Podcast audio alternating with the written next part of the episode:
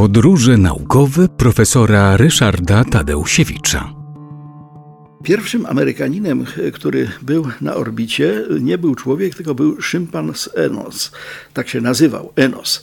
No i e, właśnie tego Enosa wystrzelono w kosmos e, w rakiecie, rakiecie typu Merkury, e, którą Enos dwukrotnie okrążył Ziemię, no i był wobec tego tym pierwszym amerykańskim podróżnikiem, który właśnie tą Ziemię okrążył, orbitował. Poprzedni dwaj astronauci latali tylko na tak zwanych lotach suborbitalnych.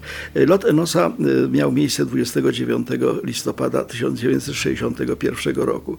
I z tym Enosem wiążą się dwie zabawne okoliczności.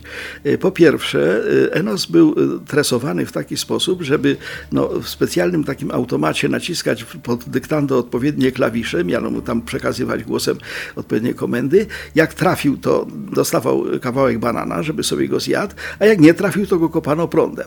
Niestety ten testor się zepsuł i wobec tego tego biednego Enosa walił ten prąd niezależnie od tego, co robił. Wobec tego on miał na tym pokładzie E, tego statku orbitalnego po prostu pecha. A muszę powiedzieć, że ja osobiście miałem pecha i to nie gdzie indziej, tylko w RMF FM.